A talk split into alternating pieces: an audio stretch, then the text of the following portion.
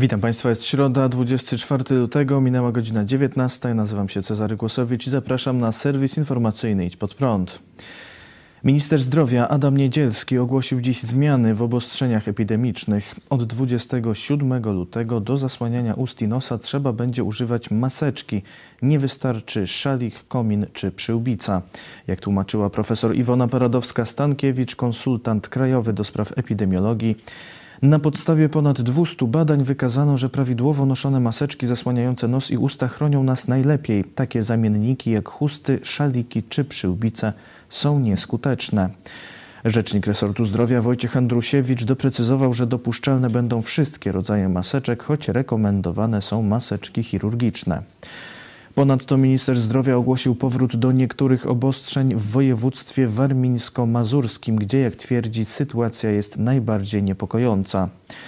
Od 27 lutego w tym regionie znów będą zamknięte hotele, galerie handlowe, kina, teatry, muzea, galerie, baseny, korty tenisowe i wróci nauka zdalna dla uczniów klas 1-3 szkół podstawowych, przekazał minister Niedzielski. Zmiany zajdą też na południowej granicy.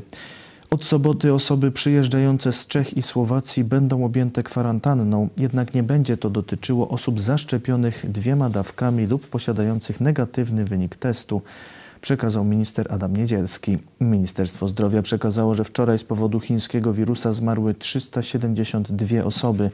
Łącznie z powodu COVID-19 zmarło w Polsce już 42 800 osób. Stwierdzono ponad 12 tysięcy zakażeń. To najwięcej od 6 stycznia.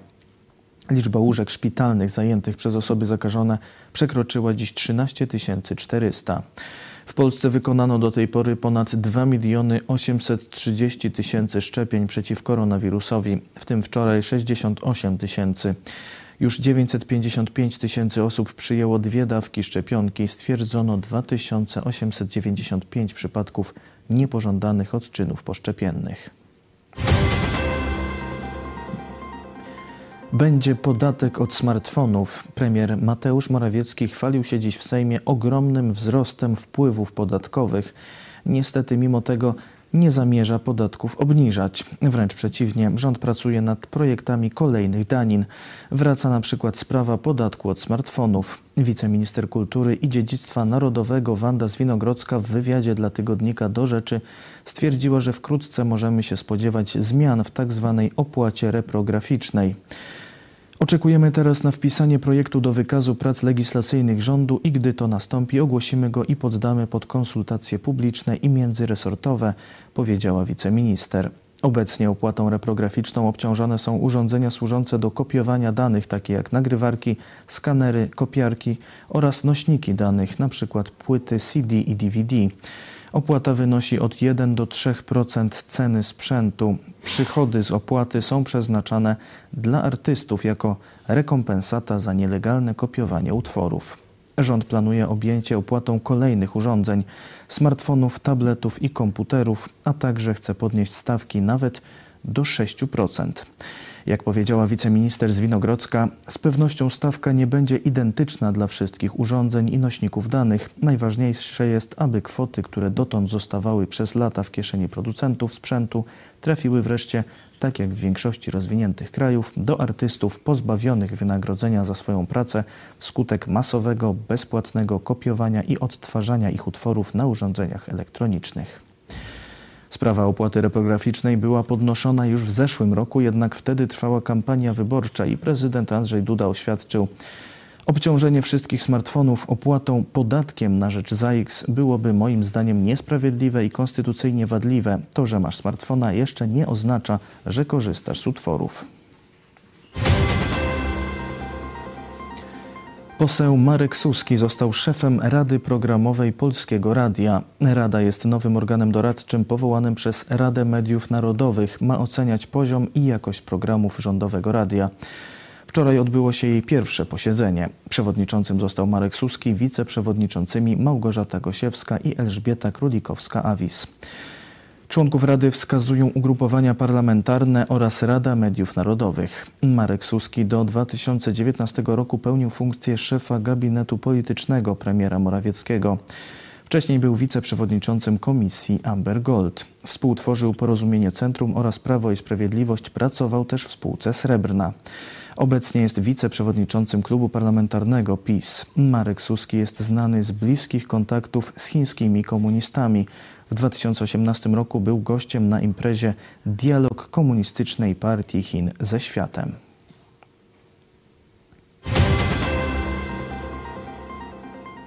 Polityk Solidarnej Polski nie wyklucza wspólnego startu z Konfederacją. Janusz Kowalski, zdymisjonowany w sobotę z funkcji wiceministra aktywów państwowych, polityk Solidarnej Polski, stwierdził, że możliwy jest wspólny start w wyborach jego partii i Konfederacji. Zapytany o taką możliwość w Radiu Z powiedział: w sytuacji, w której byłaby to gwarancja niedopuszczenia komunistów, Platformy czy Szymona Hołowni do władzy, absolutnie tego nie wykluczam. Tam jest wielu znakomitych polityków, jak Krzysztof Bosak czy Robert Winnicki, których niezwykle szanuję. Stwierdził, że jest zwolennikiem współpracy z Konfederacją. Nie ma wroga na prawicy, trzeba prowadzić dialog. Jeżeli zbyt dużo polityków obozu rządzącego spoglądałoby w stronę Platformy Obywatelskiej czy Szymona Hołowni, to zawsze warto rozmawiać z Konfederacją na temat współpracy merytorycznej w Sejmie, powiedział poseł Solidarnej Polski. Kowalski uważa, że Solidarna Polska i Konfederacja mają te same poglądy co do polskiego DNA, ochrony polskiej rodziny, mówienia nie ideologii gender. Różnicą jest przede wszystkim kwestia geopolityczna naszego stosunku do Rosji. Solidarna Polska Zbigniewa Ziobry jest na pozycjach zdecydowanie antyrosyjskich, podkreślił Kowalski. Zjednoczona Prawica będzie mieć czterech kandydatów na prezydenta Rzeszowa. Po tym jak Prawo i Sprawiedliwość ogłosiło, że wystawi swojego kandydata na prezydenta miasta Rzeszów, chociaż start w wyborach zapowiedział już polityk koalicyjnej Solidarnej Polski Marcin Warchoł, do gry wkracza kolejny koalicjant. Porozumienie Jarosława Gowina również chce wystawić kandydata w stolicy województwa podkarpackiego. Porozumienie ma dwóch kandydatów na kandydata i zamierza przeprowadzić prawybory. Pierwszym kandydatem porozumienia jest obecny radny miasta Rzeszów Waldemar Kotula. Drugi to pochodzący z Krosna Arkadiusz Opoń, wiceprezes Polskiej Organizacji Turystycznej. W prawyborach mają głosować wszyscy członkowie porozumienia z Podkarpacia. Wcześniej ma odbyć się transmitowana w internecie debata między kandydatami na kandydata. Lewica pisze do papieża. Posłowie lewicy poinformowali, że wysłali list do Watykanu z prośbą o udostępnienie akt procesu oskarżonego o pedofilię księdza Andrzeja Dymera. Posłowie pytają też, czy polska prokuratura zwracała się do Watykanu o jakiekolwiek akta spraw księży oskarżonych o pedofilię. O sprawie mówili w Sejmie poseł Robert Biedroń i posłanka Joanna Szering-Wielgus. Wystosowaliśmy pismo do papieża Franciszka z apelem o przekazanie aktów w sprawie księdza Dymera. Jeżeli nie chce tego wydać kuria, to prawo kanoniczne dzisiaj mówi, po decyzji papieża Franciszka, że Watykan może udostępnić takie dokumenty. W związku z tym my jako lewica zwracamy się do papieża Franciszka o udostępnienie akt sprawy księdza Dymera żeby polska prokuratura, która dzisiaj jest wstrzymywana ze względów prawdopodobnie na pewien układ klerykalno-polityczny, żeby otrzymała te dokumenty bezpośrednio z Watykanu. W 2019 roku papież Franciszek zniósł tajemnicę papieską, jeżeli chodzi o kwestię pedofilii w kościele na świecie. I od tamtego czasu każda prokuratura, każde organy ścigania na świecie mają możliwość wglądu do akt. Prokuratura nie korzysta z tej szansy, aby te dokumenty e, wydobyć. Jeżeli prokuratura nie chce wykonać, nie wykazuje żadnej inicjatywy, to my tę inicjatywę e, wykazujemy i dzisiaj poszedł list do papieża Franciszka, do e, Kongregacji Nauki i Wiary i do Charlesa Ścikluny, który zajmuje się właśnie w Watykanie kwestiami pedofil, pedofilskimi księży, list, w którym pytamy wprost, czy prokuratura wystąpiła o dokumenty, akt chociażby księdza Krzysztofa czy księdza Dymera? Czy prokuratura kiedykolwiek skontaktowała się właśnie z Kongregacją Nauki i Wiary, żeby cokolwiek e, wyciągnąć, żeby to pomogło w śledztwie w Polsce? Piątek Szering Wielgus przekazała, że składa do prokuratury zawiadomienie w kwestii zaniechań ze strony prymasa Polski arcybiskupa Wojciecha Polaka oraz arcybiskupa Sławoja Leszka Głodzia i arcybiskupa Andrzeja Dzięgi w sprawie oskarżonego o pedofilię księdza Andrzeja Dymera. Władze archidiecezji szczecińskiej miały wiedzieć o zarzutach przeciwko księdzu Dymerowi już w 1995 roku. W 2008 roku Kościelny Sąd uznał winę księdza Dymera, ten jednak złożył odwołanie. Dopiero w zeszłym tygodniu, po nagłośnieniu sprawy w mediach i po śmierci oskarżonego, dowiedzieliśmy się, że Kościelny Sąd wydał wyrok, ale ogłoszono, że nie zostanie on podany do wiadomości publicznej. Świecka teolog Beate Gils została sekretarzem generalnym konferencji Episkopatu Niemiec. Po raz pierwszy stanowisko to objęła kobieta. Przewodniczący konferencji Episkopatu Niemiec Georg Batzing stwierdził, że jest to ważny dzień dla Kościoła w Niemczech. Widzę to jako silny znak, że biskupi spełniają swoją obietnicę promowania kobiet na stanowiskach kierowniczych, powiedział Batzing. Pandemia koronawirusa z komunistycznych Chin pochłonęła już 2,5 miliona ofiar na całym świecie. Tylko wczoraj przez wirusa zmarło ponad 10 tysięcy osób. Grupa państw europejskich napisała list do szefa Rady Europejskiej z prośbą o zwiększenie dostaw szczepionki przeciw koronawirusowi do poszczególnych państw. Pod listem podpisali się premierzy Polski, Hiszpanii, Danii i Belgii oraz prezydent Litwy. W liście czytamy, że uczestnicy nadzwyczajnego szczytu Unii Europejskiej, który odbędzie się w tym tygodniu, powinni podjąć decyzje umożliwiające zwiększenie produkcji i dostaw szczepionek do państw członkowskich. Terminowy dostęp Europy do wystarczającej liczby szczepionek pozostaje nierozwiązanym wyzwaniem. Nasze dzisiejsze kluczowe przesłanie jest takie, że musimy pilnie zintegrować nasz łańcuch wartości i pokierować nim strategicznie, aby zwiększyć zdolności produkcyjne szczepionek w Europie, czytamy w liście. Komisja Europejska upomniała Belgię, Finlandię, Danię, Niemcy, Węgry i Szwecję. W specjalnym piśmie komisja zganiła władze tych państw za restrykcje epidemiczne dotyczące podróżowania, które uznała za przesadzone. Rzecznik Komisji Europejskiej do spraw praworządności Christian Wigand stwierdził, że kraje te stosują ostrzejsze restrykcje dotyczące przyjazdów lub wyjazdów z ich terytorium niż zostało to uzgodnione.